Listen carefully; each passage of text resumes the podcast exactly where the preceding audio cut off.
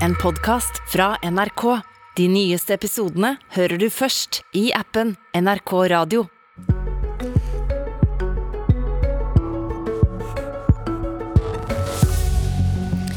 Mette Fredriksen vant valgtrilleren i Danmark. Partiet som tvang henne til nyvalg, er halvert. Og borgerlig side er stykka opp i en hel rekke små partier. Hvordan kan det bli samarbeidsregjering av sånt? Og hvor mye har norske politikere tenkt å lære? Ja, vi gikk altså og la oss med moderate Lars Løkke Rasmussen som Danmarks viktigste joker i eh, midten av dansk politikk. Vi våkna til Mette Fredriksen, som etter alle solmerker skal styre Danmark videre. Sånn hørtes det ut i natt. Kære Danmark. Jeg er så umådelig glad og stolt. Socialdemokratiet vi har fått det beste valg i mer enn 20 år.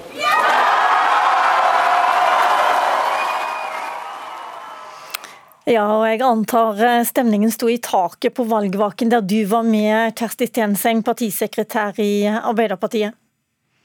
Ja, det, stemninga sto i taket. Det var eh, det, liksom, eh, avdempa stemning ganske lenge. Og så når det gikk opp for alle at eh, det så ut til å bli rød blokk, og det var eh, nok mandater, så var det vill jubel og full fest i valgvaka til Sosialdemokratene. Danmark er som et politisk legoland der klossene skal deles ut på nytt, skriver du i en kommentar her på NRK i dag, eh, Lars Nehru Sand. Hvordan det ender er fortsatt i det blå eller lilla, tross rødt flertall. Forklar oss, eh, hva er det som skjer nå? Nå eh, sier Mette Fredriksen til eh, dronningen i dag at den regjeringen hun nå leder, søker avskjed. Og så vil et flertall av partiene peke på nettopp henne til å lede sonderingen eller arbeidet med å undersøke mulighetene for å danne en ny regjering.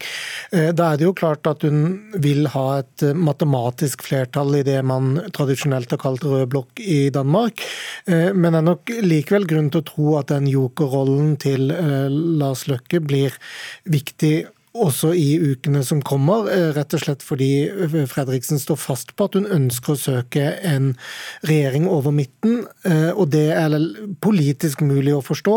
Og det gjør at selv om Løkke nok er matematisk mindre viktig enn da du sovna, så er han politisk like viktig i dag som han så ut til å bli i går.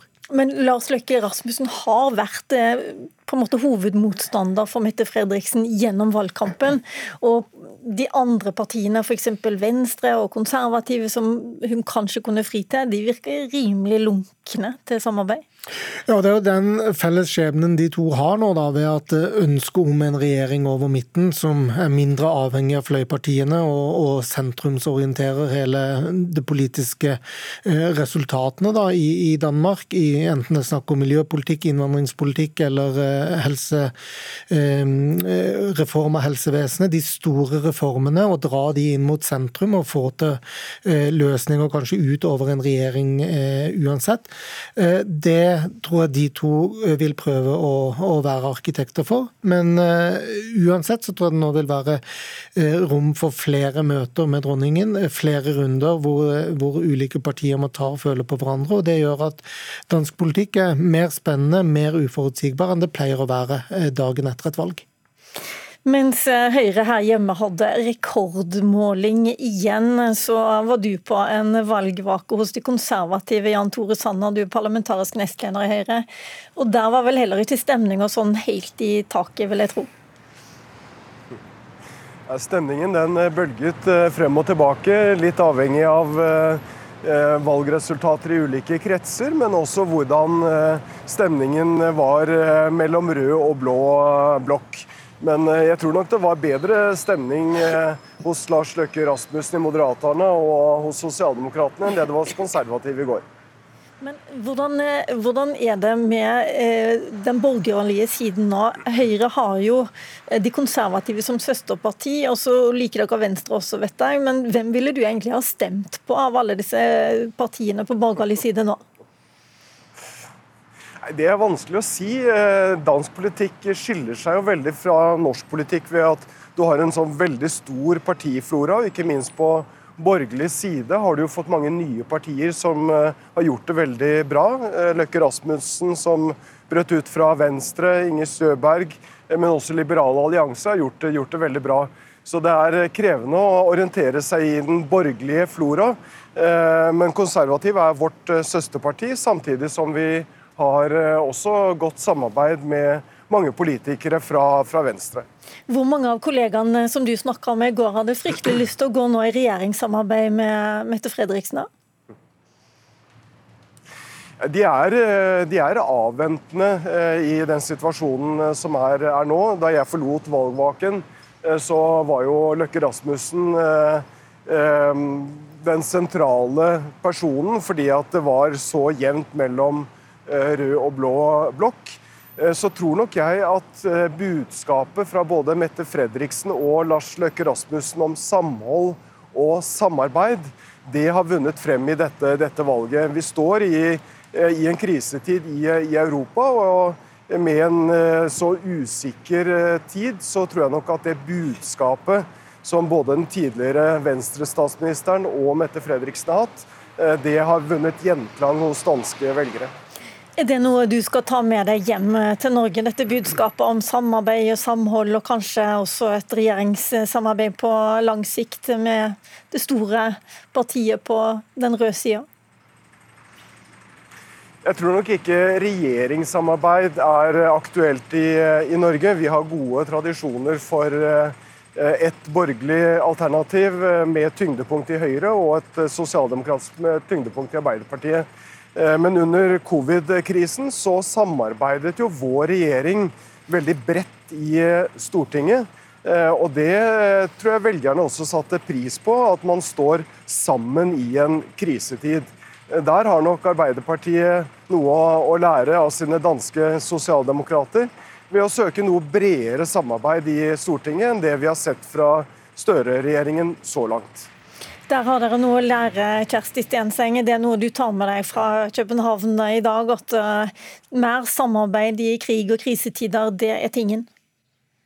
Jeg tror politikere skal være åpne for samarbeid og breie forlik, eh, spesielt i krisetider. og Arbeiderpartiet i regjering er åpne for samarbeid, men det er jo eh, når jeg sier at det er ganske så uaktuelt å gjøre i Norge det Mette Fredriksen har gjort i Danmark, så er jo det fordi Eh, avstand mellom Høyre og Arbeiderpartiet i Norge er for stor i velferdspolitikken, i arbeidslivspolitikken, i skattepolitikken. Eh, så det er noe, eh, Norge er annerledes enn Danmark, men, men, jeg mener absolutt at politikere skal være åpne for samarbeid, og på tvers over med alle partier. Og det er jo Arbeiderpartiet. Og så er det jo med Arbeiderpartiet i regjering, som det var med Høyre i regjering, at oss har vår budsjettpartner i Stortinget. Det er SV, og det er helt naturlig for oss å søke å få til samarbeid og enighet med vår budsjettpartner. Men det betyr ikke at det ikke i store saker kan være samarbeid på tvers eh, over blokka nå i Norge. Men det Jan Tore Sanner eh, savner, ja, kanskje du kan si det sjøl, Sanner. Hvilke saker du savner det samarbeidet på, da? Høyre har jo tatt eh, flere initiativ det siste året nettopp for å få til et bredere samarbeid i den krisetiden vi nå står eh, i. og Der har vi ikke møtt eh, særlig interesse fra Arbeiderpartiet og, og Senterpartiet. Men det er deres valg. Eh, de søker primært samarbeid med, med SV. Jeg tror nok at Støre-regjeringen også hadde vunnet på å søke noe bredere samarbeid i den krisetiden vi nå står. Der er det viktig både for innbyggerne, men også for, for næringslivet, at man ser at politikerne samarbeider over blokkgrensene. Og Det mener jeg vi kan gjøre på en utmerket måte, slik vi gjorde under covid-krisen, uten at man trenger å snakke om eh, regjeringssamarbeid. Stenseng.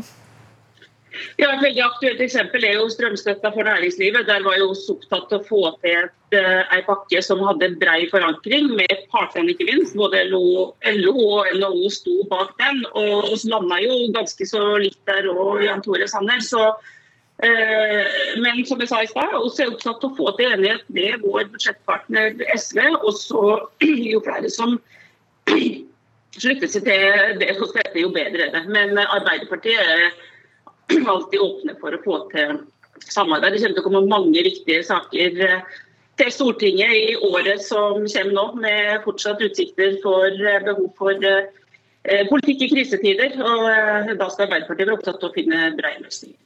La oss eh, se litt på de politiske sakene som har vært oppe i, eh, i valgkampen. Det har jo vært eh, mye snakk om helse, bl.a. at helsevesenet har vært nærmest i en kollaps. Lars Nehru Sand, hva er det det går i, og hva er det nå Mette Fredriksen og faktisk Lars Løkke Rasmussen kan komme til å bli enige i? Ja, Det har jo ikke velgerne fått noe godt svar på før valgnatten, men eh, begge to har ymtet frem på at de kan være positivt innstilt til eh, store reformer av både organiseringen av helsevesenet, eh, tanken på hvordan man skal få flere til å arbeide der, og eventuelt også større politisk inngrepen i selve lønnsdannelsen i den sektoren. Det må utdannes flere. Det er i det hele tatt ganske omgripende reformer som må til for å bedre bedre, eh, bedre situasjonen i helsevesenet i Danmark. Det... De mangler enda flere folk enn man gjør her i Norge?